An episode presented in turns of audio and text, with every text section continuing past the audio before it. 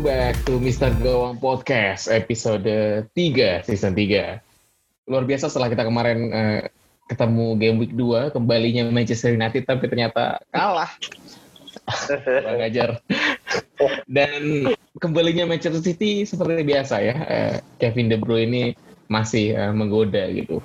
Masih ketemu kita, uh, ada gua Bayu, ada Kang Cis, ada Mbah, ada Bang Ere. Gimana kabarnya semua? Terutama Mbah nih yang nggak punya anak laki-laki.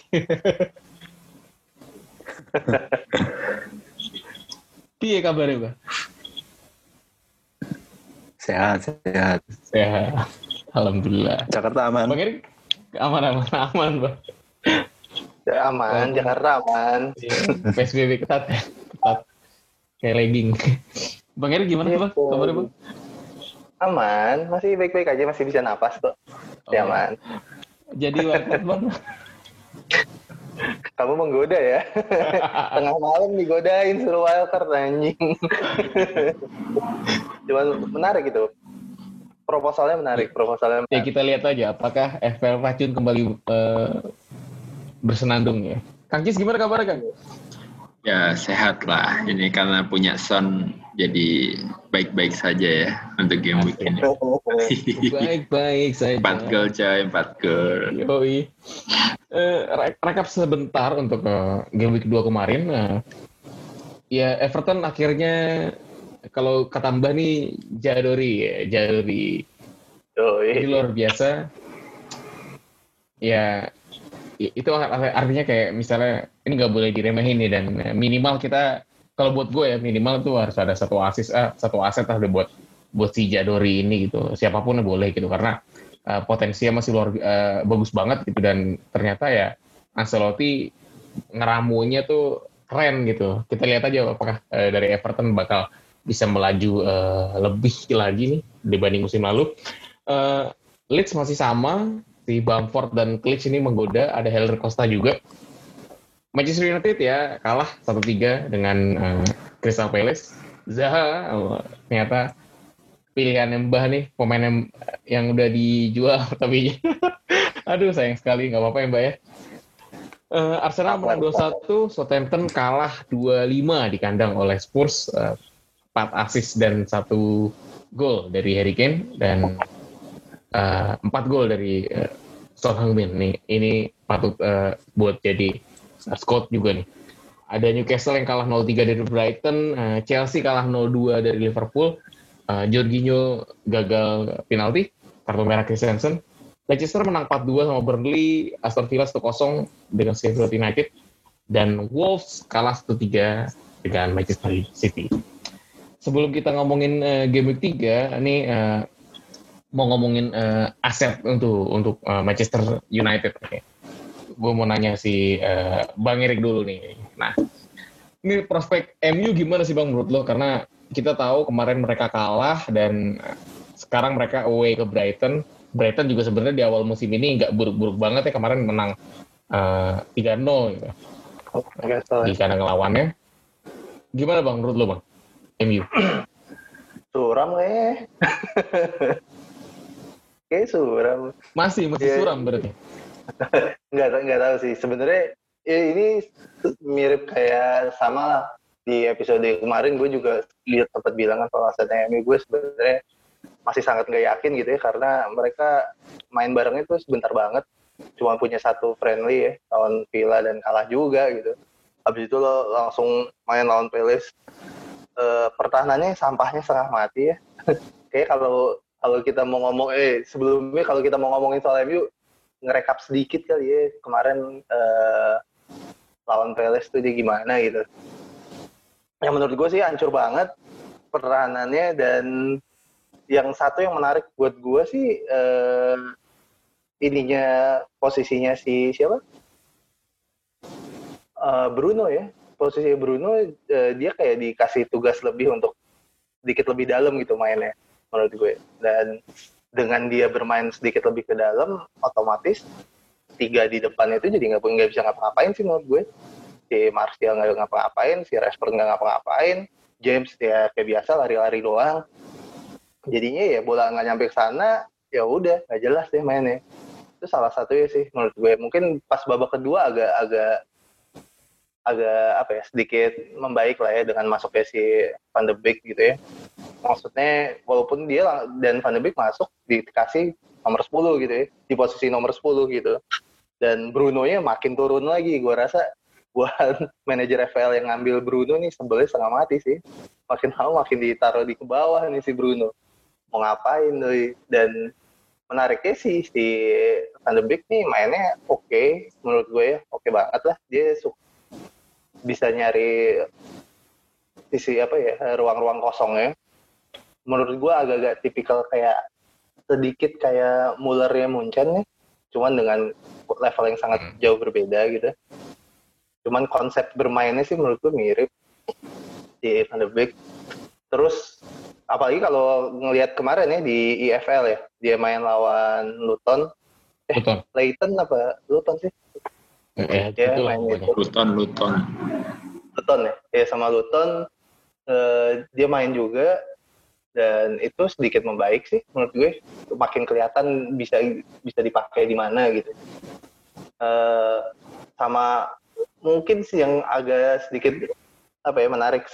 Waktu lawan Palace juga adalah masuk ya waktu semenjak masuk ke Greenwood ya Greenwood tuh lumayan bawa energi gitu lah energi baru gitu ya buat MU gue rasa mungkin kalau eh, di abis restart kemarin setelah Bruno datang Bruno yang harus memikul semuanya mungkin sekarang Greenwood dia bisa bawa sedikit perubahan dan dia harganya berapa sih? Tujuh tujuh setengah ya tujuh setengah kalau Tujuh setengah. gue rasa menarik sih dia bisa jadikan pro as. Karena waktu di IFL pun babak pertama satu kosong nggak ada Greenwood gitu ya. pas Greenwood main jadi agak enakan juga mainnya.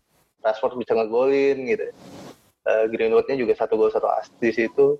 Menurut gue itu itu salah satu pemain yang menarik sih cuman kalau sekarang nih posisinya gue gitu ya untuk game ketiga eh, gue nggak punya pemain MU jadi ya gue akan tetap nggak punya dulu sih. Gue wait and see aja lah nggak punya. Cuman kalau yang udah punya nggak usah dibuang sih menurut gue tahan aja. Kayaknya potensinya tetap ada sih MU buat golin feeling gue sih ngegolin sih. Mungkin seri eh seri angka gede gitu buat sama gitu. Backnya tai banget cuy gila.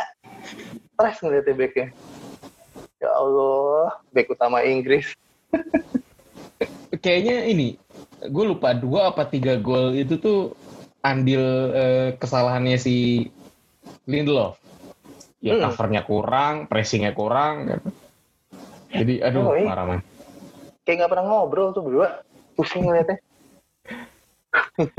Tapi gue setuju sih bang yang yang lo bilang MU ini kayaknya kelihatannya ah, kurang kurang match ya, maksudnya mereka kurang matching gitu antar antar lini antar pemain karena ya friendly matchnya cuma satu kali terus kalah pula gitu terus eh Ole juga kayak masih bingung nih ini mau mau bikin eh, squadnya kayak gimana karena eh, dia lagi ngeramu gimana caranya Van de Beek eh, bisa fit sama squad MU sekarang gitu. Apakah itu bakal Iya. ngerelain eh, Bruno agak ke dalam gitu atau agak mundur atau eh, posisinya sama karena gue awalnya ngiranya si Van de Beek ini posisinya bakal gantiin Matic. Tapi ternyata enggak. Van de Beek itu eh, box to box tapi ke depan. Dia kayak Pogba gitu. Jadi jadi menurut gue malah malah Pogbanya nanti yang bakal mundur ke belakang gitu. Kalau misalnya mereka main main bertiga seirama ya gitu. Yo, yo, yo. kemarin itu Iya. lumayan tuh. Lumayan hidup kan pada saat emang Pogba ditarik gantiin Van de Beek kan? Sama Iya, iya. ini yang bertiga ya. Itu, itu enak tuh kelihatannya gitu. Dibanding Pogba kadang-kadang lambat sih aduh gemes banget jadi jadi udah lambat terus eh, pas ngoper misalnya salah gitu kan ngejarnya juga kan pasti dia, dia ngabisin Oh, iya. tenaga gitu gitu gitu Iya. Dan emang ini sih, ya, cuman kalau dari segi FPL sih, eh, yang anget-anget kan emang Bruno ya. Semua orang, Iya. semua orang mengandalkan Bruno dengan vouchernya ya. Yoi. Dan oh ya kemarin vouchernya juga, vouchernya udah dipakai, udah udah mulai tuh di FPL Doi dapat penalti kan satu. Mm-mm. Jadi eh, udah bagi-bagi voucher lagi, udah bakar duit lagi. Ah. Jadi Bermain Cuman-. Yoi, dengan kalau Ole masih maksain Beek main sebagai nomor 10, gue rasa sih itu suatu sinyal keras sih buat pemilik eh, Bruno ya. Karena Bruno akan bermain sedikit lebih ke dalam, otomatis peluang dia apa yang eh, po- poin coming juga from semakin behind gitu ya Iya, jadi semakin sedikit sih peluang asis sedikit, peluang gol ini sedikit karena dia udah nggak di nomor 10 lagi gitu. Menurut gue sih gitu sih. Cuman ya, gue rasa masih nyari mungkin ya oleh ya, karena emang ngefitin. Menurut gue sekarang midfieldnya MU tuh lumayan padat sih, padat banget ya, penuh banget gitu. Dan dia kan di, di posisi Matic kayak udah ada tiga gitu yang ngantri. Ya udah, iya mereka Fred mau rebutan. dijual gitu. tapi Fred. Fred mau dijual, Gardner kan udah, udah di loan. Loan ke Ya, ya udah udah ya.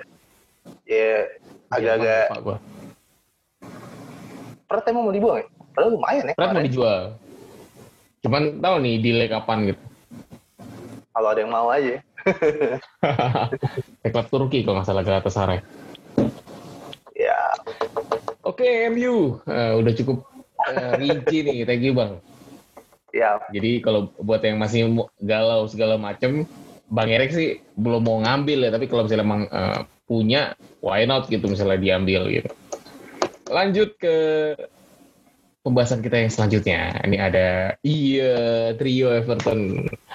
Hmm. Jadori. Jadori ini pemain Korea mbak. Apaan jadul? Mbak yang penemunya. Jadori itu Hames, Hames, terus Do-nya itu Dominic. Dominic. Dominic. Dipaksa sama gua ya. Gila. Dom, dom. Oke. Bah, eh, mengenai fenomena Jadori ini ya. Terus ya kita, bahas Jadori aja ya karena kemarin eh, Lucas Dain banyak yang kecewa. Terus siapa lagi? Eh, kipernya Pickford banyak yang kecewa juga gitu. Lalu punya 5 gol tapi nggak ngasilin apa-apa gitu. Sama sih Muscal Coleman juga gitu juga gitu.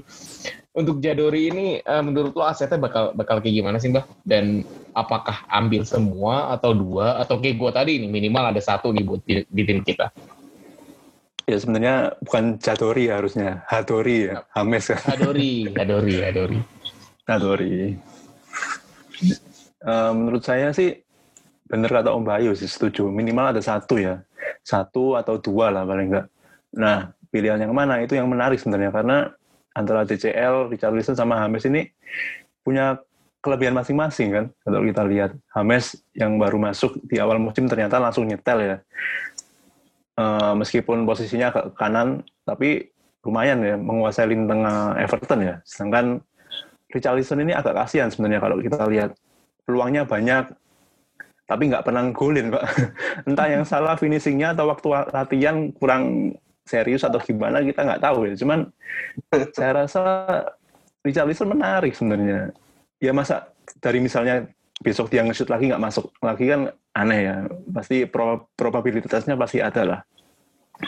Terus ada DCL. DCL ini juga menarik karena kalau kita lihat permainannya di awal musim ini dia selalu ngendok di depan gawang ya, alias selalu di dalam kotak penalti ya.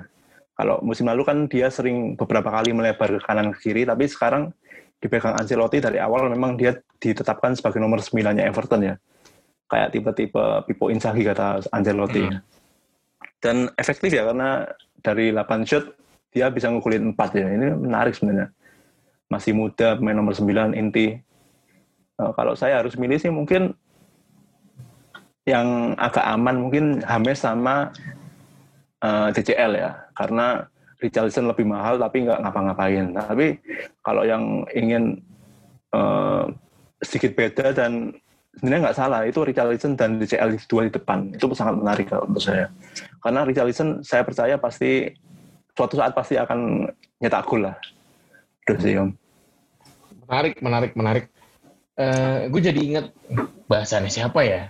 Sama mengenai DCL juga gitu. Jadi si Dominic Calvert-Lewin ini eh, dianggap eh, punya potensi yang besar juga buat jadi eh, the next Inzaghi gitu.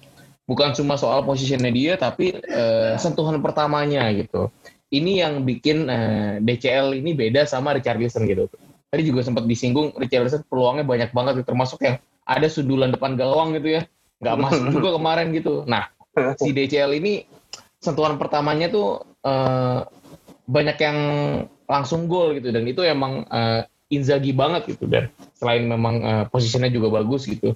Kalau dibilang kencang enggak, maksudnya enggak bukan tipe penyerang yang eh, kencang gitu. Tapi memang uh, cukup bisa diandalkan dan buktinya ya dia bisa uh, ngegeser uh, striker-striker Everton lainnya kayak ya Mosakin lah gitu. Ya model-modelan kayak gitulah gitu. Thank you Mbah untuk uh, Hadori ya Hadori. Hames, Dominic dan uh, Richard Listen. Kita lanjut ke pembahasan kita yang selanjutnya ada dari Chelsea. Uh, ini Timo Werner. Kemarin uh, sayang sekali, uh, walaupun Chelsea ini sebenarnya nggak nggak nggak kalah kalah banget kualitas ya, tapi semenjak uh, kartu sama Christensen kalah lari ngejar Mane, ini gaya permainan langsung uh, jauh berkurang dan langsung drop apalagi ditambah uh, gol blundernya Kepa, Kepa Rizabalaga. Itu sempat ada yang notice nggak? Jadi gue sempat lihat di Twitter juga. Jadi si Firmino itu udah udah ini, udah ngegos ngegosin si Kepa sebenarnya pada saat emang bola dioper ke Kepa gitu dan iya bener si si Firmino nunjuk-nunjuk uh, Jorginho Mane langsung nyeprin ke arah Jorginho dan pada saat emang si Kepa ngoper ke Jorginho langsung dipotong sama Mane dan yep terjadi gol gitu. Kita balik lagi ke Warner. Kemarin bukan tanpa peluang ya Warner ini sempat sempat bikin gue deg-degan karena ada gitu beberapa akselerasinya dan hampir gol juga dan ternyata ini orang bisa lari gitu, bisa nyeprin juga gitu. Menurut lo gimana Kang mengenai potensi ini Warner? Karena harganya nggak murah loh dan saingan dia di bawahnya dia ini banyak yang uh, sangat menarik ya. Gue nggak bilang menarik doang, tapi sangat menarik. Ya kita tahu lah striker murah sekarang lagi gacor ya. Gimana kang? Oke, okay. sebenarnya ini Werner mungkin case-nya akan seperti Son ya, uh, yang mana di game week sebelumnya uh, kurang bagus dan di game week selanjutnya ini lawannya sebenarnya enak banget. Jadi untuk bisa jadi Werner uh, akan ngasih kita hadiah untuk orang-orang yang sabar nahan Werner ya. Karena ini uh, melawan West Brom. West Brom ini sudah kebobolan 8 ya si Johnston di dua laga udah kebobolan 8 itu leaky banget. Uh, menurutku sih uh, Werner kemarin ya emang di mark sama Fabinho ya. Jadi uh, beneran nggak bisa gerak uh, goal attempt yang benar-benar berbahaya mungkin cuma satu paling sama penalti yang Jorginho itu tapi ya sayangnya nggak masuk Sedangkan di pertandingan sebelum lawan Brighton itu uh, Werner ini ada 5 gol attempt ya. Sebenarnya cukup cukup banyak walaupun uh, outputnya cuma satu assist. Nah di sini sih bisa jadi pembuktian ya untuk Werner karena uh, kabarnya beberapa pemain Chelsea juga udah mulai pulih. Uh, Thiago Silva kalau nggak salah terakhir itu Thiago Silva sama Chilwell itu udah mulai udah mulai pulih dan Pulisic uh, masih belum tahu eh sorry Ziyech Ziyech malah yang udah sudah uh, membaik tapi kayaknya masih belum tahu akan main atau tidak. Uh, misalnya nih, misalnya memang uh, para pemain kreatif ini bakal main besok, ini bakal jadi uh, keuntungan sih, terutama untuk Werner ya, karena emang ujung tombaknya masih di Werner. Optimis sih. Mungkin beberapa manajer nggak uh, sedikit yang yang masih nahan Werner dan berani kapten Werner mungkin uh, bukan suatu hal yang mengagetkan ya karena ini make sense sih untuk kaptenin Werner lawan West Brom. Gue masih punya Werner, gue belum tahu mau tahan apa enggak, masih lihat lihat dulu lah. Soalnya ya kalau kita ngomonginnya harga ya di harga sembilan setengah ya di dua game week ini striker murah pada bertiga lima gol ya. Ada Bamford, ada Mitrovic, ada DCL, uh, eh, Jimenez sama Ings dua-duanya juga cetak gol yang harganya lebih murah. Uh, ini ini mungkin salah sat, uh, satu-satunya kendala untuk uh, tidak menahan Werner masalah harga aja sih. Tapi overall sih Werner emang ya pemain termahal Chelsea ya dalam segi FPL ya, ya. paling mahal. Ya ya pasti ada ada maksudnya lah jadi potensial sih Werner kalau menurut gue untuk di lawan West Brom ini ya terutama karena West Brom ini defense-nya menurutku ya cukup parah ya di dua game week awal nggak tahu kalau mereka nggak improve ini uh, bisa jadi sih uh, tiga empat gol ini sangat mungkin banget untuk tim sekelas Chelsea. Kata, uh, kalau untuk yang sedang wild card kan menurut lo oke okay nggak sih misalnya ngambil Werner gitu karena kita tahu ini naik sejuta aja udah ketemu Harry Kane gitu yang udah ketahuan Ya, eh, inilah ga- apa gacoan FPL gitu. Kalau kalau kata Bang Erik mah gitu. Gacoan FPL dan ya kita udah tahu gitu semusim ya minimal bisa 15 sampai 20 gol lah gitu. Kalau misalnya nggak cedera ya si Harry Kane ya gitu. Beda sejuta loh. Gimana Ya. satu juta. Sebenarnya kalau yang mau ambil wildcard itu eh, ditahan dulu. Eh, mungkin nanti Jumat atau Sabtu karena kemungkinan Werner akan turun ya ke 9,4. Jadi ngambilnya Oh, nanti aja, ngambilnya nanti Oke. kalau udah kalau udah turun.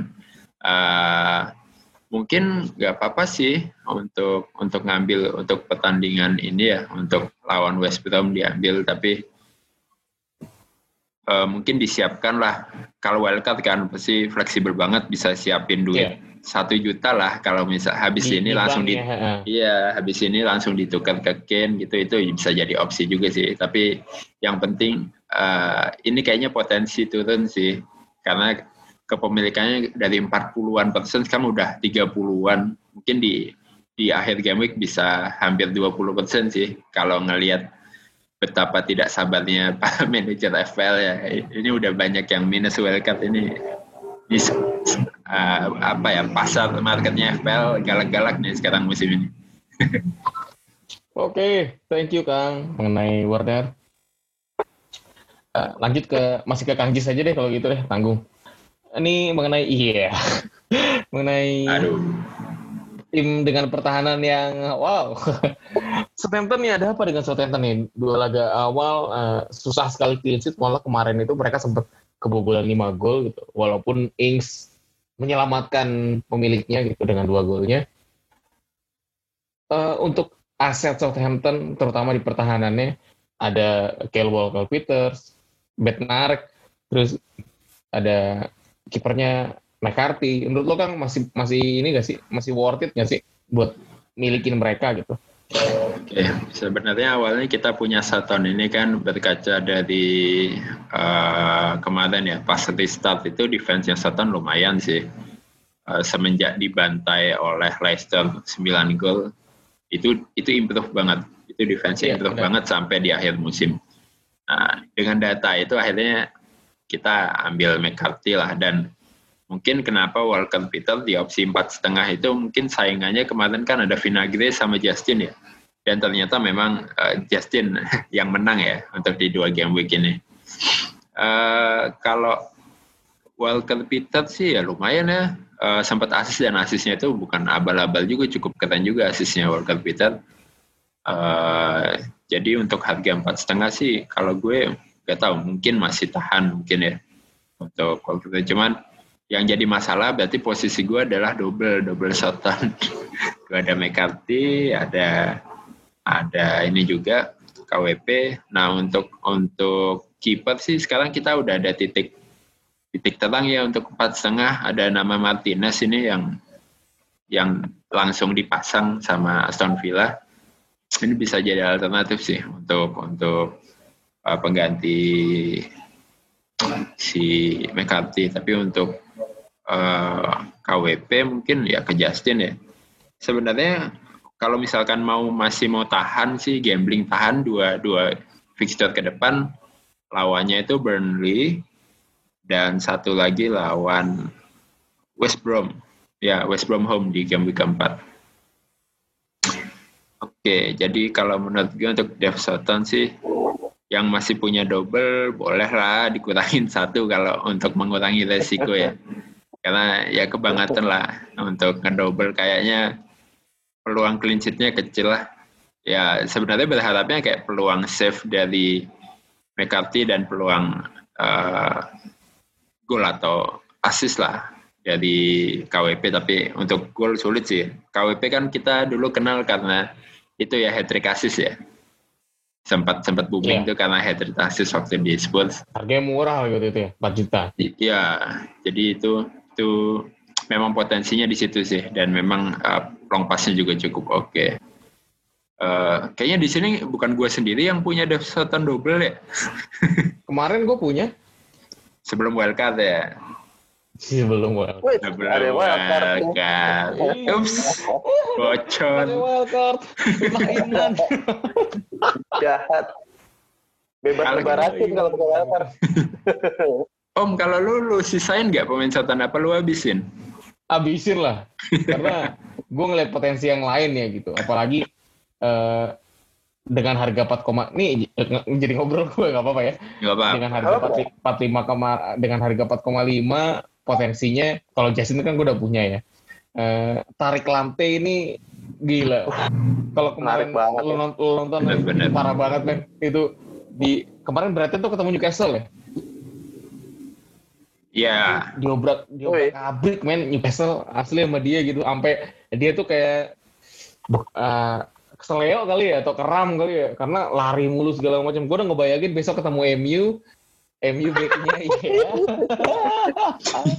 mungkin kalau ada Wan Bisaka seru tuh Wan Bisaka kan keras juga kan kemarin tuh gara-gara nggak ada Wan Bisaka aja kali ya salah satu Iya, kelemahan iya. MU Itu itu lumayan ngaruh sih. Iya, terus eh siapa si Luke Shaw juga sering blunder gitu dan menarik nih gitu. Apalagi ternyata eh, Neil Maupa ini yang masuk di musim lalu ternyata baru mulai settle-nya di musim sekarang gitu. Ya mudah-mudahan saja konsisten nih. Oh ya nambahin Kang Kis itu salah satu striker murah tuh Maupai Maupai. Itu itu oh iya, juga. oh baik. Jadi eh, agak bersaing nih gitu. Tapi ya ya bisa jadi bak- bakal gue bakal tetap jaga satu aset. Nah ini sih satu aset eh, si Soton gitu. Karena kiper gue kayak gue pindahin ke Ryan dulu deh gitu. Sama Icardi kayak gimana gitu. Apalagi besok Yoi. eh, ketemu ketemu Burnley kan gitu di kandang. Ya, Galot. Paling itu sih. Tapi sebenarnya kalau mau nambahin eh, fixture Soton nih lagi akan men- apa ya menjelang agak mendingan ya Iya iya. kalau ngeliatin fixture. Cuma kan lo sendiri yang bilang bang, maksudnya FPL Hmm. sekarang kan nggak nggak- nggak terlalu banyak pengaruh karena kita main ini kan, kita main tanpa penonton gitu, jadi nggak ada nggak ada tekanan, nggak ada Hmm. apa apa ya, ya kalau kalau main bola kalau nggak ada yang nonton tuh ya biasa aja gitu, hampa aja, udah kita main-main aja gitu. Eh. Paling cuma teriak-teriakan bench sama pelatih doang gitu, teman-temannya doang. Sebenarnya eh, gua rada mau nungguin si siapa pelatih Hasan Hutel ya. Hasan Hutel nih eh, nggak kepala batu aja sih mainin defensive line setinggi itu gitu. Maksudnya musim lalu juga dicoba dan gagal. Di awal musim ini dia coba lagi dan berantakan dua kali. Maksud gue karena kalau dia udah mau nurunin egonya dan eh, setelah restart musim kemarin pun terbukti gitu sebenarnya pertahanannya eh, nggak busuk-busuk banget gitu. Cuma gua nggak tahu dia mau lagi mau ngebuktiin apaan sih, lagi mau minta duit kali ya sama manajemennya. gue biar kalah aja terus nih berapa kali ya kan, tiga kali biar ya udah deh gue kasih duit mungkin gitu. Cuman emang ngeselin sih ngeliat deh. Kalau gue sih, gue punya McCarthy dan kayak tadi sewaktu offline off air kita sempat ngobrol kenapa juga ya milih McCarthy karena ya waktu awal-awal itu pilihannya cuma McCarthy, Ryan Ya. sama siapa tadi satu lagi Ya udah, Eh, Stones ya. Johnson, Stones. kipernya Mbah. Yo, kalau Stones kan gue nggak ngelihat karena ya kiper apa kiper tim promosi kan masih belum lah Hmm. Mending- mendingan milih yang udah pasti-pasti aja gitu yang ada Yoi. track record ya yang ada track recordnya ya antara McCarthy dan Ryan kan. iya Ryan dua itu doang gitu Yo, jadi ya agak-agak menyesal sih. Cuman ya udahlah jalanin aja. ini mumpung ngomongin Soton kemarin tuh C Adam tuh banyak peluangnya men asli banyak Banyak, peluangnya, banyak. nggak ada yang gol aduh itu kalau misalnya ada yang gol itu pola permainan pasti berubah tuh Spurs kan ketinggalan kan ot- otomatis kan gitu Oh, tapi ternyata ya berkata lain dan gue nggak tahu ya mungkin mental mungkin pengalaman gitu yang bikin eh, finishingnya itu jadi beda gitu Yoi. Oke, lanjut. Mumpung tadi Bang Erik udah sempet eh, ngobrol juga bareng kita nih. Eh, pertanyaan mengenai ini, Bang. Eh, aset-aset pemain dari Leeds United ini. Kita tahu eh, Leeds ini cukup menggebrak dengan eh, dua dua golnya, rasio golnya ini gede tuh. Di Liverpool 3, kemarin eh, 4. Jadi 7 gol di dua pertandingan terakhir Liga Inggris. Eh, ada Patrick Bamford, eh, Klitsch, dan eh, Helder Costa ngelawan Sheffield United yang pincang karena nggak ada Egan. Terus kipernya juga bukan Dean Henderson dari awal dan ter terbukti mereka kesusahan. Menurut lo gimana bang? Aset dari Leeds United ini? Loh, sebenarnya mungkin uh, Leeds naik ini pertama romantisme ya, romantisme masa lalu gitu ya, buat penggemar Premier League. Kayaknya, apalagi di awal-awal Premier League gitu ya, kayak uh, Leeds tuh nggak punya peranan penting lah di ada dengan adanya Premier League.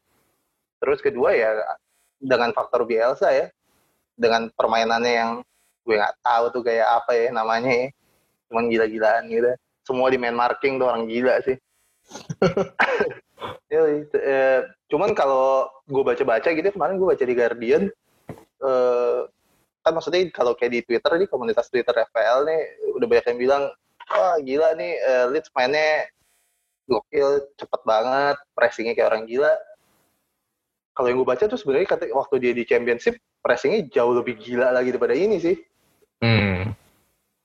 Jauh lebih nekat, lebih dempet, lebih tinggi lagi pressingnya daripada ini. Gue mungkin biasa agak-agak menurunkan uh, egonya sedikit-sedikit ya karena dia masuk di Premier League. Uh, dan dia sudah dan biasa juga sempat bilang gitu kalau dia sebenarnya masih belum puas gitu sama Leeds ya, karena Leeds masih bikin peluangnya terlalu sedikit. Peluang yang dibikin Leeds masih terlalu sedikit, walaupun jumlah golnya atau efisiensinya tetap tinggi ya. Dan salah satunya ya, kalau kita mau ngomongin pemainnya, salah satunya Bamford ya. Bamford tuh, eh, dia cuma dari tiga peluang jadi dua gol di dua game ter, ter, uh, kemarin. Cuman jeleknya dia adalah uh, pemain 60 menit ya. di dua game week itu menit 62, menit 68 dicabut. Cuman ya nggak apa-apa sih kalau dia udah bikin gol ya. Toh di atas 60 menit mungkin akan bete kalau di 58 atau 59 gitu ya. Kurang satu lagi gitu. Uh, dan kalau mau dilihat-lihat sih Bamford ini statnya agak-agak sama bahkan sama Pardi. Uh, top skor kita musim lalu gitu. Nah, yang menarik dari Leeds adalah banyak pemain, menurut gue banyak pemain midfieldnya dengan gaya permainan yang kayak gitu, yang harganya murah-murah nih yang menarik nih. Apalagi dengan cederanya uh, midfield keempat mayoritas pemain FPL gitu ya, ASM gitu. Dengan harga 55, yeah. nah, Leeds juga ada ada ada ada berapa? Ada tiga ya. Ada Klitsch, ada Harrison, ada di Costa gitu. Yang punya harga sama semua dan kalau kalau gue disuruh pilih di antara tiga itu gue agak lebih condong ke Costa. Karena kalau tadi gue sempat ngeliatin heatmapnya mereka berdua tuh ngebandingin sebenarnya posisinya Costa dikit lebih advance gitu ya. lebih sering agak di depan dibanding Harrison. Walaupun kayaknya dua-duanya punya daya ledak yang sama. Cuman kalau dan karena lebih advance posisinya otomatis di Costa lebih sering terlibat di kotak penalti musuh sih. Dia lebih uh, di kalau statistiknya lebih banyak melakukan touch di gawang musuh. Hanya berdasarkan itu sih menurut gue kalau emang mau ngambil uh, midfieldnya lead sih, gue akan lebih cenderung ke Costa sih untuk sekarang. Kalau Bamford, Bamford menarik banget di harganya tuh. Gue agak melupakan sih, nggak apa-apa lah setelah 60 menit tuh cabut, penting lu golin dulu. itu sih paling. Lo punya pemain hmm. siapa nih yang punya pemain Leeds? Gue belum punya soalnya. Eh gue punya tapi kayaknya nggak pernah main tuh. Siapa? Do Douglas, ya back gue Douglas. Hmm. gue punya itu cuma nggak pernah main sialan salah milih kayak Douglas kan emang ini kan apa karena ownershipnya banyak gitu. Jadi kalian dah gitu. Oh iya ini nggak ada yang punya pemain Leeds emang. Gue gue baru ini baru apa ngambil Bamford. Lumayan lah harga 5,6 gitu striker. Ings aja dulu 6 juta kan gitu. Udah 57 sekarang Bamford. Iya gue beli 56 gitu lumayan. Dan padahal kemarin sebenarnya Rodrigo udah main ya? Udah, udah main. Udah. dia Tapi kayak posisinya lebih di belakang di Bamford ya? di belakang Bamford tuh ngelihat ngelihat form biasa ngeliat formnya Bamford masih bagus sih kayak bakal dipertahanin ya ternyata.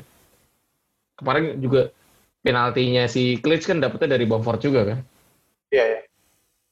Oh iya. Ya emang apa ya menarik sih menurut gue walaupun PR-nya Leeds masih banyak banget dengan pertahanannya sampah banget ya. Cuman ya selama dia bisa bikin gol lebih banyak daripada kebobolan ya baik-baik aja sih mereka. Cuman nggak taunya yang kita nggak tahu ya sampai kapan sih. Gue rasa kalau senaif ini berat juga buat Leeds bertahan. Iya. Oke, Eh, lanjut ke pembahasan berikutnya. Ini langsung aja to the point. Bah, Kapten Kane atau Kapten Son, Bah?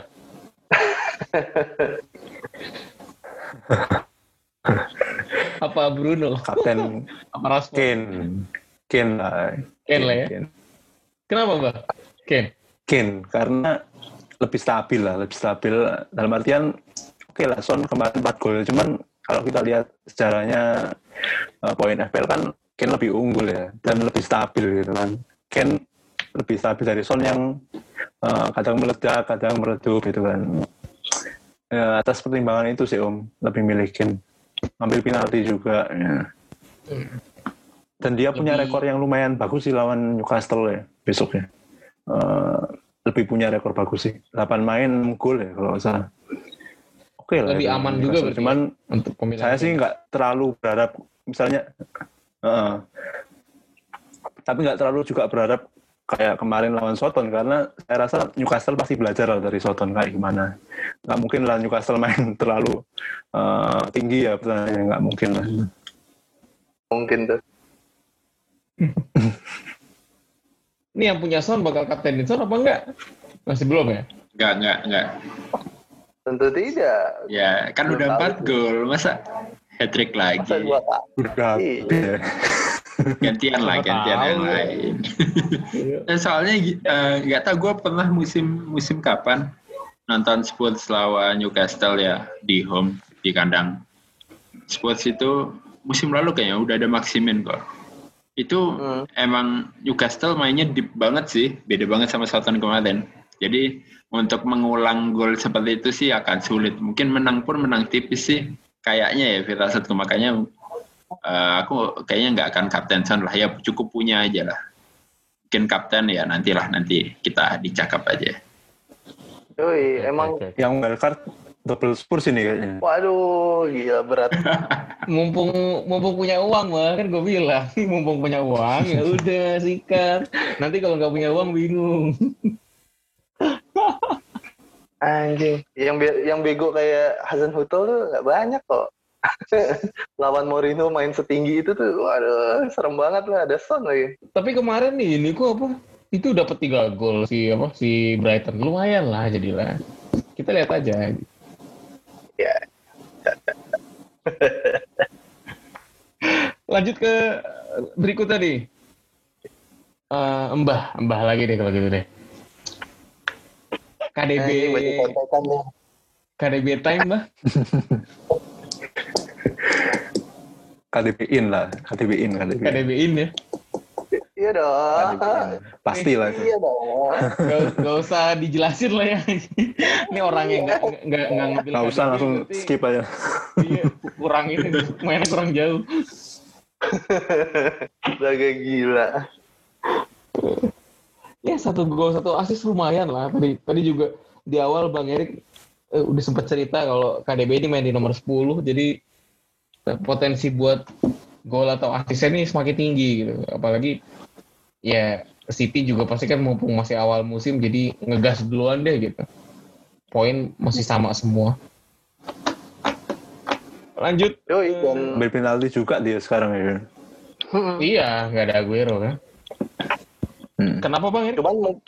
Iya maksud gue emang apa ya, ya nambahin yang tadi sih emang dia di- main di posisi 10 tuh menurut gue monsternya KDB ya keluar di posisi itu sih. Karena dia punya range passing yang tinggi yang jauh juga gitu ya. Terus eh, visinya oke. Ya makin dekat ke gawang lawan ya makin serem lah. Nih tinggal teman-temannya aja nih pada bego apa kagak nih Enggak, Sterling kan juga udah golin juga gitu. Jadi harusnya nggak ada masalah. Jesus kemarin golin apa enggak ya Jesus? Gol gol. Enggak. Golin Emang kan? Sterling yang asis pak, asis. Oh, Sterling. Sterling. Oh iya iya. Jadi Foden satu ya. iya Foden satu. Oh iya Foden satu. Jadi sebenarnya eh, udah kebuka semua tuh kerannya tuh. Gitu. Tinggal ya udah lo mau pilih mana yang City nih gitu. Ya rotasi nanti lah. Ini masih masih awal-awal belum ada rotasi, belum ada Champions, belum ada liga-liga yang lain gitu. Lanjut ke potensi dari Wolverhampton. Timnya Kang Tis ya. Yoi. Nih, lu masih jadi owner kan? Nih kok Portugal semua? Jangan-jangan orang Portugal kan? Tangan kanannya Jot Mendes Iya, ini. dengan, dengan masuknya Nelson Semedo, Foden juga Waduh. orang Portugal. Jadi semakin Portugalisme, asik Portugalisme. Pons dengan harga di bawah 6 juta, gimana menurut lo potensi lo Kang? Ditambah uh, back yang lagi naik down juga nih, uh, Roman Says, uh, 5,1 juta, dan potensi buat ngegolinnya juga ada gitu, karena sering sering sering maju ke depan gitu. Gimana Kang menurut lo Kang? Oke. Hmm, tadi ngomongin Portugal, ngomongin Portugal sih menarik ya nih si Wolves ini. Eh, banyak banget pemain Portugal, 10 apa 11 ya. Udah bisa satu tim sendiri sih dan eh, lucunya lagi baju ketiga mereka tuh kayak jersey Portugal, tahu kan? Warnanya merah hijau juga. Gak tahu dah Sengaja itu. udah. Tuh, pelatihnya Portugal juga, ya Tuhan. Oke, ya, jadi untuk Podence ini menarik ya, karena uh, di dua game week ini uh, cukup uh, menarik perhatian, apalagi kemarin asisnya juga bagus banget lawan City setelah ngolongin KDB. Weh, KDB dikolongin, langsung asisnya bagus, dihajar sama Jimenez. Eh, ditambah lagi dengan Diogo Jota yang hengkang ke Liverpool ya, jadi posisi di depan itu eh, saingannya semakin semakin sedikit. Jadi kemungkinan Podence untuk eh, start tuh jadi makin bagus. Cuman ada pertimbangan juga kan ketika Semedo datang dia ambil wing back, wing back kanan berarti Adama bisa ke depan. Nah, nggak tahu tuh antara Pedro Neto, Podence, Traore itu akan gimana siapa rotasinya seperti apa itu. Ya, tetapi kalau form Podence kayak gini sih untuk untuk game week 3 lah minimal itu masih oke banget sih. Ini bisa jadi apa ya? eh, direct transfer lah untuk Caimin, untuk Maximin. Sama harganya lima setengah. Bisa langsung ditukar jadwal Wolves juga kurang ajar, bagus banget. Secara FDL ya, ya kalau bagi Oh, iya. teman-teman penganut FDL ini bagus banget jad- jadwalnya Wolves. Eh, kemarin Mantap. udah su- sudah melewati Manchester City ya, jadi udah enak banget. Dan satu nama lagi selain Foden sebenarnya Says ya. Says ini eh, oke lah kemarin lawan City ya nggak berkutik ya. Cuman di pertandingan sebelumnya itu eh lawan siapa ya pertandingan pertama itu dia cetak gol ya Ramen Says. Dan Says ini ternyata di dua pertandingan ini sebagai seorang back dia udah cetak eh sorry bukan cetak sudah mencatatkan dua shoot on goal untuk back lim, Eh, harga 5 Sheffield yang pertama. Oh Sheffield ya, oh ya Sheffield yang uh, backnya cuma mas-mas biasa itu Henderson. tanpa Henderson. Oke, ini saya menarik banget sih untuk uh, sebenarnya untuk back di harga 5 ya ini juga bisa jadi alternatifnya Egan ya. Mungkin teman-teman yang punya Egan itu harga 5 bisa bisa lah tambah 0,1. Sekarang saya sudah 5,1 kalau nggak salah. Untuk ngambil Says. Sebenarnya di harga 5 ada Says, ada Jamesnya Chelsea itu menarik sebenarnya Richie James. Terus siapa lagi ya di harga 5? Tapi salah satunya yang outstanding ya. Sekarang total poinnya udah 16 berarti untuk Roman Says. Uh, cukup oke sih. Aku nggak tahu kalau uh, defense-nya Wolves uh, akan improve. Ini kan kayaknya lawan Sheffield clean sheet. Kemudian ini lawan City ya wajar lah nggak clean sheet. Untuk Mhm. di pertandingan-pertandingan selanjutnya nih potensi clean sheet Wolves juga lumayan lah. Karena kemarin juga di musim kemarin juga cukup cukup bagus ya semenjak Boli uh, kembali bermain itu rekor defense-nya Wolves juga cukup oke. Jadi menarik sih untuk Podence dan Says dan Jimenez. Eh, kalau triple berlebihan sih sebenarnya. Tapi kalau kalau ngeliat jadwalnya sih ya boleh-boleh aja sih kalau mau gambling ke Wolves ya. Wolves ya levelnya sudah di level Europe lah, udah di di di atas 10 besar lah kalau untuk untuk sekarang ya dibanding tim-tim semenjana yang lain. Jadi boleh lah. Dan sini kayaknya rame diperbincangkan di Twitter, tapi aku lihat ownership-nya masih tiga persenan sih. Jadi yeah. sebenarnya masih diferensial juga kalau mau gambling ke Podens. Uh, mbah, Mbah udah ambil Podens ya, Mbah? Yes.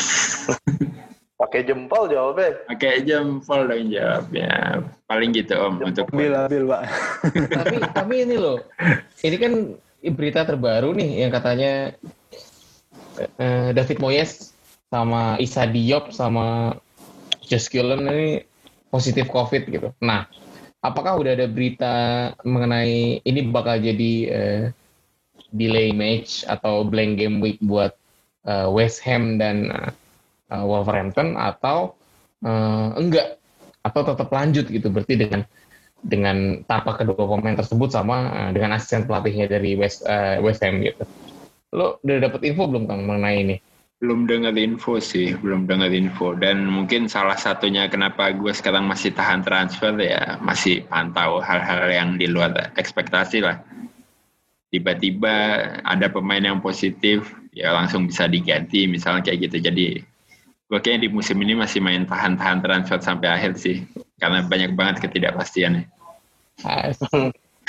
Cuman emang tadi sempat sebenarnya sempat ada rilis dari Premier League untuk pertandingan Liverpool Arsenal ya. Jamnya dimajuin tuh karena kalau nggak salah eh, bar-bar di Inggris itu pada tutup jam 10 waktu sana gitu ya. Dan matchnya itu mulainya jam 8.15. Jadi kemungkinan matchnya selesai setelah uh, pubnya harus tutup. Jadi gara-gara biar bar-barnya itu biar orang-orang yang pada nonton di bar bisa nonton jadwalnya dimajuin 15 menit gokil juga ya iya iya kan cuman gara-gara FA keren FA Yoi, biar fansnya tetap bisa nonton di bar barnya dibatasin cuma sampai jam 10 ya udah dimajuin aja Premier League 15 menit. Gila canggih banget. Coba nggak nggak ini apa? Nggak nggak ada covid. Mana mungkin mau? Cuma kalau yang soal Moyes belum sih, belum ada berita ya. Baru itu doang tadi yang gue dengar. Eh, cuma buat nambahin sih sebenarnya gue agak kaget sama defense-nya Wolves ya kemarin waktu lawan City karena kayak Wolves sejarahnya selalu menyulitkan City gitu ya di dua musim terakhir. Mungkin Mbah bisa nambahin tuh uh, kalau Wolves sama City. Dan sempat ada pernyataan dari si sempat baca di Guardian gue uh, Inuno itu sempat bilang kalau mereka emang mau sedikit mengubah gaya permainan gitu. Di Wolf gitu. Mungkin karena dia juga udah mulai ada mulai main di Eropa kan ya Wolf jadi dia katanya mau mengubah sedikit lebih kontinental. Maksudnya sih lebih agak menyerang sih kayaknya. Gue baca. Takutnya karena begini jadinya gue ingat banget kayak musim lalu Saisi itu salah satu back paling murah ya, yang bisa yang dipunyain Wolf gitu ya. Dan yeah. setelah restart kayak yoi, setelah restart kayaknya itu akses gue dan kayak gue pakai sampai habis deh itu. Dan emang emang bagus sih emang defense-nya Wolf. Gue agak ragu di defense-nya Wolf sekarang aja sih. Wolf ini, Pak. Tiba-tiba Wolf ya. Ya nggak apa-apa sih sebenarnya. Janjian dong kalau ngomong. oh perlu biar kaget. biar ada deg di tembok. oh ya decknya Wolf juga murah-murah kan sebenarnya. Roman yeah, yeah. size, terus ada Boli, terus ada Cody. Nagri juga, terus yang kiri Marcel cedera kan? Ma Marcel cedera. Itu menarik sih Nagri kalau misalnya uh, cedera. Harganya Tapi kalau bisa ya, main lagi menarik itu 4,5 tergantung 4,4 sekarang ya.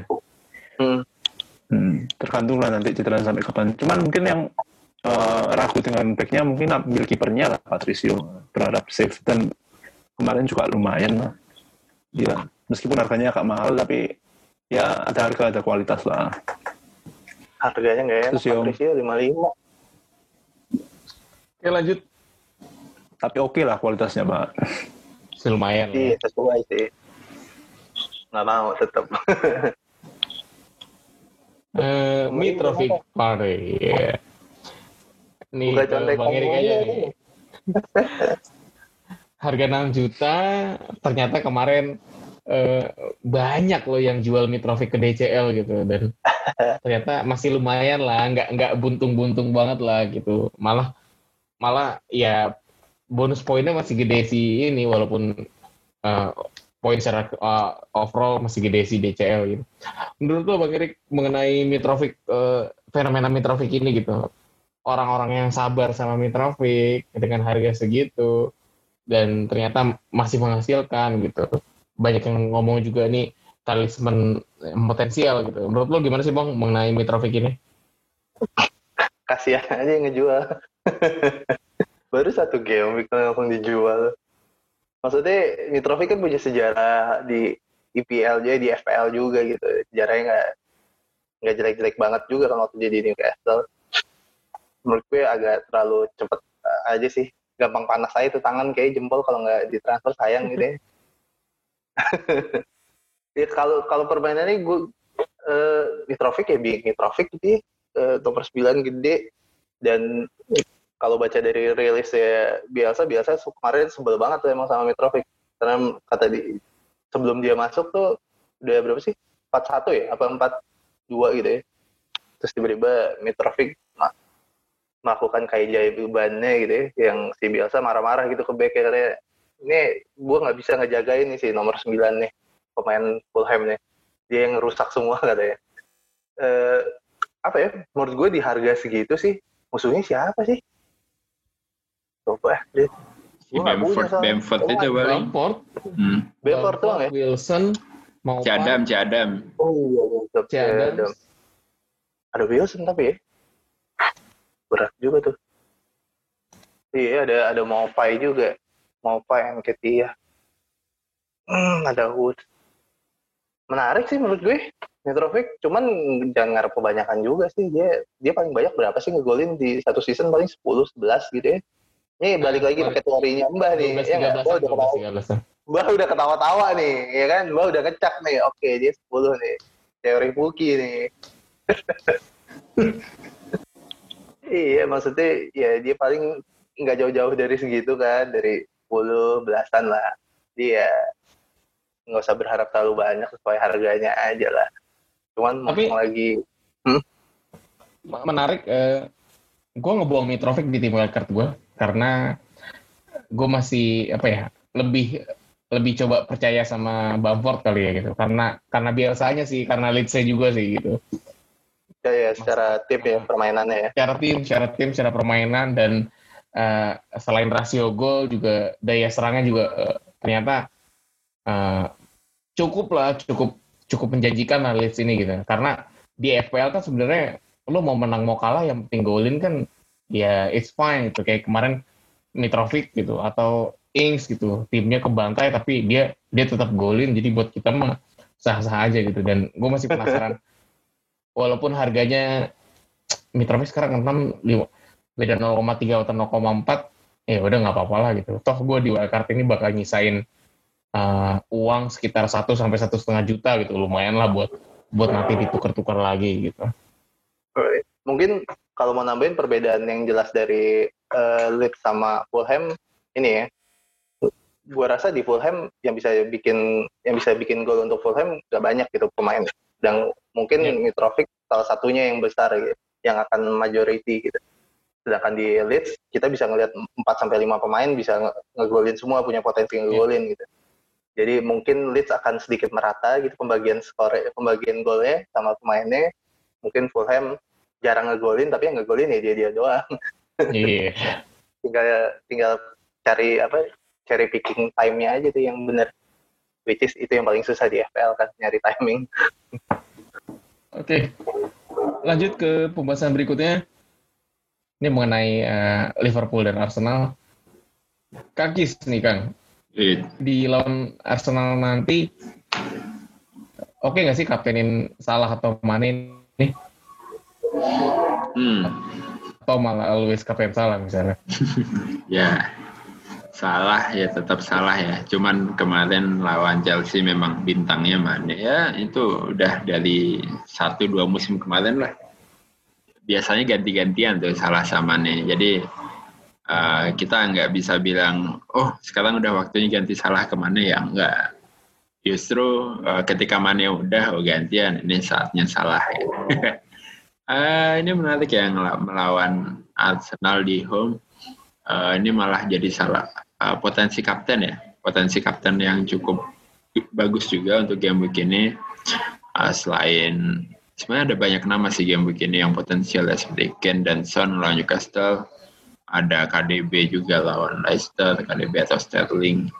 Dan ini lawan Arsenal sih, defense Arsenal ya so-so ya, maksudnya walaupun dia big six tapi tidak solid-solid banget untuk defense-nya. Uh, sedangkan potensi salah ya ya kita tahu lah salah itu udah kayak gol gol attemptnya terbanyak ya kalau nggak salah. Oh iya. di dua dua di dua game kemarin ini udah. hampir golin lo kemarin lo ya uh, 13 13 gol attempt di dua match. Ini terbanyak dibanding semua pemain ya.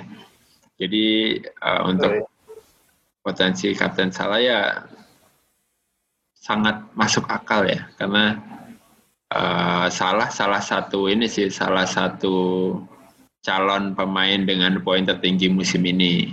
Ya kalau ya mungkin kita cuma bisa sebut uh, maksimal tiga empat nama lah untuk siapa, siapa nih kira-kira uh, pemain di musim ini yang poinnya tertinggi ya. Kalau musim depan KDB mungkin ada salah, mungkin bisa jadi Auba karena karena posisinya sudah di mid ya salah tetaplah. Ya salah tetaplah salah. Dari awal dia datang dengan 300 poin FPL-nya itu rekor kalau nggak salah ya. 303 ya, ya. ya tetaplah. Apalagi untuk uh, kalau ngomongin jangka panjang juga mungkin 3-4 game week ke depan Kapten Salah sangat masuk akal ya untuk tidak melepas ban Kapten dari Salah. Nah, kalau dimulai dari sekarang lah. Always Kapten Salah. Kayaknya pengalaman tahun lalu nih Kang. Ya tahun lalu masih kebanyakan ganti-ganti, tapi ya yeah. ya udah. Uh, untuk musim ini coba stable lah. Ya dua game begini gue udah stable di Auba ya return sih walaupun tipis-tipis ya. untuk untuk harga 12 tipis-tipis. Uh, tapi ini ini mungkin momen momen untuk Auba pindah ke KDB. Jadi mungkin ban kapten kayaknya mungkin Eh, tiga empat game ke depan salah mungkin ya kemungkinan. Uh, pede sih kalau ngelihat mainnya salah di dua game week ini sih pede-pede aja. Maksudnya belum decline untuk seorang salah. Oke. Okay. Sepakat, sepakat. Kita baru ya, kita ngomongin salah, sekarang kita ngomongin uh, dua kaptennya Kangkis di dua game week awal nih. Albumnya. Ini ke ke Bang Oh, nih. Ta tahan apa jual nih, Bang? Jual. jual ya? Jual lah. Gue sih udah gue jual ya. Fixture-nya udah mulai nggak enak gitu ya. E, dalam lima game week dia akan ketemu tiga tim Big Six gitu ya. Kayak udah udah capek gitu. Dan balik lagi di harga segitu kayaknya harus kita pengen gue sih pengen harapnya lebih ya poinnya dari dia dari ya daripada yang udah dia kasih dan kedua KDB kayak sayang banget cuy kalau dilewatkan di posisi nomor 10 beneran deh. Gue kemarin ngeliatin highlight gue bilang anjing nih pemain bisa begini. Maksudnya ya ini KDB yang yang kita tahu ya KDB kayak gini. Bahkan lebih serem di posisi nomor 10 menurut gue. Jadi hanya berdasarkan itu tadi siang sih pas gue gara-gara kita mau tapping riset-riset sedikit jadi transfer deh itu KDB langsung in. Habis gue lihat hm, harganya udah naik bangsat. Terus gue lihat kepemilikannya kan udah 30 persen. Nah ini naiknya pasti lama nih. Biar gue cuan. Buat gue sih Auba udah gue buang. Auba tuh musim lalu tuh 10,5 ya kalau nggak salah ya. Apa ya mulainya? Mulainya. 10 ya, tapi ya tapi masih sebagai striker kan ya. Iya, masih sebagai striker. 10,5. Gitu sih. Nah ini terakhir nih sebelum kita reveal cakap dan FPL racun. Cakap dulu deh cakap dulu FPL racun kan masih nanti. Ini saat yang lain pesta, sih dengan poin game week 2 yang nggak nyampe 50, eh, gimana Mbah tantangan buat ngadepin game week 3 nih? Monggo Mbah. Emang Mbah poinnya di bawah 50 Mbah? Jahat banget Ah. Mbah. 49, Pak.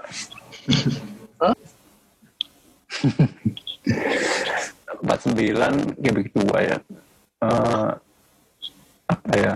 Ya sedikit kecewa juga karena ngelepas Saha ya. Saha.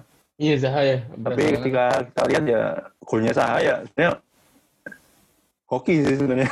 Maksudnya penalti emang diulang gitu aja bego. Ya, betul. Iya, betul. Untuk ke depan. Terus ke depan sih masih tetap sih eh, dengan rencana yang semula ya. 3 lepas Auba seperti rencana awal ganti ganti dengan KTP terus improve dikit dengan ganti maksimin dengan potensi. Terus sih minus 4 Eh, masih nahan wildcard sih om sementara ini karena masih percaya dengan squad yang ada ya. Kalau saya punya Ar- Arnold juga masih oke lah sebenarnya. Lucas Digne juga ya oke lah Liverpool, eh, Everton jadwalnya lumayan. Ada salah juga KDB Rashford Mitrovic Werner. Sebenarnya kalau mau pakai wildcard bingung mau ngelepas siapa. Masih punya potensi semua harusnya ya, itu sih. Iya. sedangkan kalau kita lihat eh, jarak antar rank masih tipis-tipis. Itu sih. Jadi skala kemungkinan masih ada sih. Tetap optimis lah. Werner masih tahan nih Mbah. Iya. masih masih masih Tadi kan udah dibahas Kang, Ci. saya ITS oke lah sebenarnya Liverpool dia lumayan lah Iya, iya lumayan. Iya. Iya udah dibahas, biar Lumayan panjang aja ngobrol ya Mbah. Tahu, udah selesai gitu doang, Mbak. Iya kok kayak- udah nyampur aja. Karena gue eh, selain akhirnya apa Auba ke KDB, salah satu yang pengen gue rubah sih striker gue ya. Karena gue pakai striker dua striker, kayak pengen pelan-pelan gue ganti ke tiga striker. Gitu. Pilihannya adalah sekarang gue bangun dengan tiga striker atau nanti aja nunggu wildcard ya. Gue strikernya ada Ings sama Werner. Eh, kalau pakai prinsip gue sih harusnya Ings yang gue ganti ya karena dia udah ngegolin jadi harusnya gue udah lebih ikhlas gitu ya karena emang kalau di eye test Werner mainnya masih oke gitu. Cuman nggak punya DCL tuh kayak deg-degan ya lu sekarang? Gue nggak punya asetnya Everton sama sekali gitu. Gue takutnya udah selesai lagi. Bersenang-senangnya Everton. Gitu sih. Kalau Mbak Ayu sih enak wildcard apa? Ya, sih. karena wildcard itu pilihan ya. Jadi kalau lo nggak milih ya monggo, tapi kalau mau milih monggo gitu. Dan ya ya bener sih maksudnya eh, ini juga pilihan yang Mbah ya Mbah ngerasa eh, timnya masih bisa ngedongkrak gitu. Dan ya monggo juga gitu. Gue sih kemarin itu kalau lo tahu itu gue ngechat wildcard itu di hari Minggu, Minggu malam apa Minggu sore ya gue lupa. Itu tuh gue udah kehilangan tiga, tiga 0,3. Jadi eh, pemain turun, pemain eh pemain naik, pemain gue turun gitu dan wah nyesek banget men. Dan untungnya masih pas-pasan gitu. Makanya sekarang eh, ya sayang aja gitu udah mencet wildcard tapi ternyata uang kita masih kurang, kita nggak bisa dapetin pemain yang bener-bener kita pengenin gitu. Dan ya di tim wildcard gue juga emang udah nggak ada ubah sih gitu masih masih masih wait and see gitu dan masih penasaran sama uh, Spurs nih. Mudah-mudahan aman lah gitu dan uh, gue ngerancangnya setiap pos itu uh, punya pemain yang seenggaknya uh, dua digit lah gitu. Jadi kalau mau dioprek-oprek enak gitu. Tapi kalau back uh, gue udah menetapkan hati kalau misalnya gue bakal pakai back murah gitu sama strategi uh, di musim lalu. Di musim lalu kan gue pokoknya back kalau ada 4 juta ya udah gue pakai itu aja gitu gue tahan tahanin gue kuat kuatin kalau cek kalau clean sheet bonus kalau enggak ya udah nggak apa apa gitu jadi nggak nggak mengharapkan lebih gitu jadi budgetnya di di pool di mid sama di sama, sama forward. depannya yoi gitu berarti nggak ada TAA sama Robo juga nggak ada nih. TA Robo. Nggak ada, nggak ada TA Robo, nggak VVD gue nggak ada. Mungkin mungkin nanti kalau misalnya udah udah ketahuan stabil nih. Kemarin sebenarnya eh, beruntung aja sih sebenarnya kita kita tahu penalti gagal, jadi sebenarnya eh, Liverpool belum stabil-stabil amat nih buat ukuran eh, clean sheet gitu. Mungkin nanti kalau misalnya udah mulai clean sheet, ya VVD sih yang yang lebih masuk akal buat gue gitu. Dengan walaupun TA eh, masih bagus banget gitu maksudnya. Kemarin crossing crossingnya masih masih lumayan berasa. Cuman dengan harga yang 7,5 tuh mahal sih menurut enak gue. ya. Kalau kalau Sebenarnya 7,5 poin cuma dua tuh berasa banget men itu. Wah anjir, ya kayak kayak misalnya kita punya striker eh, kayak kayak Harry Kane atau Son gitu poinnya cuma dua tuh berasa kan gitu. Jadi ya walaupun nggak bisa bagus tiap game week ya, tapi gue pengennya gitu sih. Pokoknya yang belakang tuh biar murah-murah, yang depan biar yang mahal-mahal gitu. Paling itu. sebenarnya kemarin gue baca Kenapa? eh, dulu. Kemarin gue mau baca, tadi gue baca di ini apa di Twitter eh, ada teori dengan dengan mainnya si siapa? Siapa Liverpool yang baru Thiago ya? Alcantara. Hmm. Kemungkinan TA dan Robo eh, poinnya bisa lebih tinggi gitu ya dari dua sisi dari segi pertahanan clean sheet-nya dan dari segi penyerangan sih. Dan menurut gue cukup masuk akal ya. Karena kemarin sempat ngeliatin highlight-nya Liverpool agak lumayan banget Kanan sih. kiri terus kan bola kan? Iya sebenarnya iya iya bola ke kanan kirinya oke. Emang sih ke depannya emang agak-agak nggak serajin si siapa Hendo ya menurut gue. Hendo. Hendo tuh masih rajin bola kiri kanannya nggak banyak, cuma ke depannya lebih banyak gitu. Cuman controlling tengahnya menurut gue lebih enakan dipegang Thiago sih. Iya. Mungkin itu bisa jadi salah satu faktor eh, TAA dan Robo akan lebih meningkat ya mainnya kalau ada si Thiago. Tapi musim ini TAA agak sedikit berkurang ya apa kuatannya ya karena bola mati Robo mulai ambil bagian juga. ya. Ngambil, bener. Eh, nggak kayak musim lalu ya. Bisa udah mulai sering diingetin nggak? Sama salah juga kan masih masih Hmm. masih ganti-gantian. Yoi. Iya. Tapi emang salah menggila sih di musim ini menurut gue ya. Gila, keren. Shotnya banyak banget di dalam kotak penalti. Iya, doi shoot shootnya banyak karena ya Liverpool juga bagus gitu maksudnya eh, mendukung atau mensupport dia menyerang gitu. Coba kalau misalnya dia main di tim yang emang bertahan itu gimana dia mau nyerang kan misalnya kayak gitu. Cuman nih jadi ngomongin Liverpool nih, eh, pembeliannya Liverpool tepat semua lagi. Tebel gue, anjing. Sebagai fans MU ya. tahu dia beli Jota, tahu dia beli Thiago, gue bilang anjing lah tepat lagi nih belinya, nebelin squad. Selama ini kan gue selalu beranggapan squad Liverpool tuh tipis banget gitu. Untung banget mereka musim kemarin tuh nggak banyak yang cedera. Dan sekarang dia nebelin squadnya dengan Thiago dan Jota. Thiago namanya gede lah world class player gitu menurut gue. Udah main di tiga liga gede. Sama Jota. Ya, gue bilang tai sih nih. Bisa juara lagi nih Om Bayu. Gimana kita nih? Cari gua yang lebih gede deh. Sama lebih gelap. Jadi lebih dulu 20 apa lebih dulu 21? Aduh. Pecah, pecah. Ya, langsung ke inti reveal. eh, oh iya, mau jawabin Twitter dulu nggak? Mungkin kalau ada yang belum. Boleh. Oh, ba- banyak nih Coba pertanyaan. Kita, kita satu Emang banyak. banyak banyak. Ajar. Oh, Ada yang denger berarti kita. Ada yang dengerin. Podens tadi udah ya, Podens udah, Jimenez atau Warner? Eh, Jimenez atau Warner? Gue punya Jimenez. Warner jadi Gue lebih prefer Warner sih. iya nggak punya Jimenez gue. Ya, ya benar lagi punya Werner sih. Pertanyaan untuk apa dulu untuk ditransferin, untuk di keep? Transfer in lah, Kang. Wih, kalau transfer in ya jelas Jimenez lah. Ya, Fixturenya ini. Iya. bahas pemain baru Spurs yang dua itu dong. Belum main di FPL nanti aja lah ya. Iya. Belum kebayang. Iya. Semedo juga masih belum gitu. Masih cedera juga Billnya. Masih belum fit. Mm-mm. Mitrovic diferensial, kepemilikannya masih cukup tinggi Mitrovic, masih belum bisa dikatakan diferensial. Ya, Betul. Eh, lalu ada korbanin Auba masukin KDB.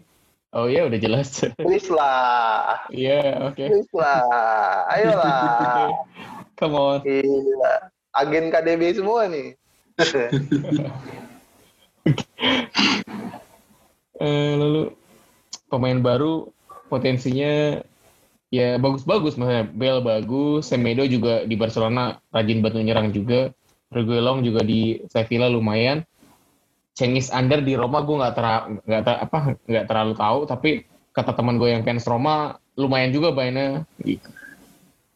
Dan ya kita lihat nanti gitu karena karena masih belum tahu juga gitu. Lalu Nah ini juga tadi udah lo bahas bang kedatangan Thiago ini potensi clean sheet dan pasang double defense Liverpool worth it apa enggak gitu. Kalau dibilang worth it apa enggak ya tahu ya tapi kalau misalnya potensi eh, menyerang jadi jadi lebih hidup gitu. Yep. Karena Thiago sebenarnya eh, bukan kayak gelandang pengangkut air ya tapi dia lebih ke elegan gitu playmaker. Ya, di playing playmaker. Yep, di play playmaker. Hmm. Ah, Nggak ada yang susah-susah nanyanya nih. udah, udah, udah. Masih, masih, masih, eh, masih pertanyaan yang umum dan semuanya udah kita bahas sih sebenarnya. Review cakep. Eh, lanjut ke gue, gue kapten HM Son, iya, SNM Son. Haji. HM Son, eh, kalau karena ya gue yakin misalnya walaupun haulnya gak akan segede kemarin 4 gol tapi paling enggak ya satu gol satu assist cukup lah menghadapi Newcastle yang gak ada Kang Jamal. Kang Jamal Lewis nggak ada karena cedera kan abis di badok sama Bisouma dan ya ya antara Ken sama Son tapi gue lebih prefer Son sih. Lumayan lah karena ya poin golnya lebih tinggi dapat poin sheet juga gitu. Ya mudah-mudahan momentum ini ngebuat dia makin pede gitu dan makin feeling buat gol ini makin bagus gitu. Lanjut ke cakap berikutnya di Kang Cis siapa Kang? Eh, kalau sekarang ya disuruh menentukan sekarang ya. Yang sudah pasti salah sih. Eh, karena ya tadi sebenarnya udah dibahas tadi ya.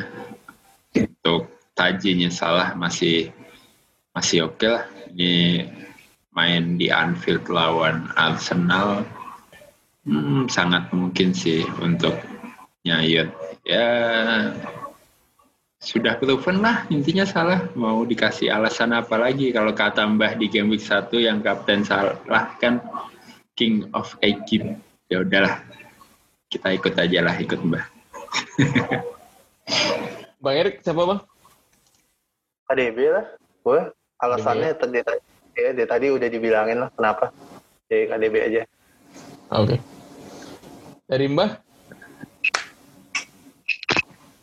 Sama kayak Cis salah. Salah ya. Oke.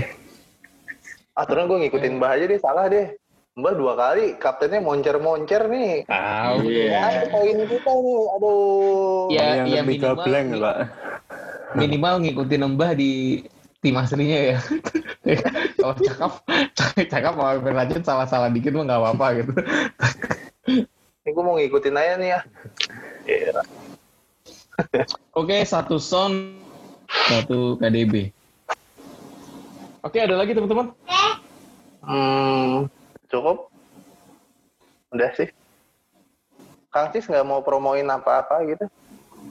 ngomongin apa ya Undangan Persiapan, digital. persiapan. Tadi air diminum tuh Kang. Royal Wedding. Soy Giselle. aing kayak we. Premier League ditunda tuh. Kang Cis mau nikah. ya ya nikahnya cari itulah cari international break lah Wah, anjing. Anjing. Hari baiknya itu ya international break ya. betul betul betul. Oke, nggak ada lagi. Ya kita tutup. Thank you teman-teman semua yang udah join di eh, Mister Gawang episode 3 ini. Terima kasih juga yang sudah mendengarkan. Eh, jangan lupa kritik dan saran langsung ke Twitter kita at Mister Gawang Pod atau komen di YouTube. Ya, bebas komen apa aja nanti dibalesin sama Kang Jis. jangan, lupa eh, yang dengarkan di jalan hati-hati di jalan. Salam sama orang tua salam sama keluarga. Bye bye Mister Gawang sampai jumpa di episode berikutnya. Ciao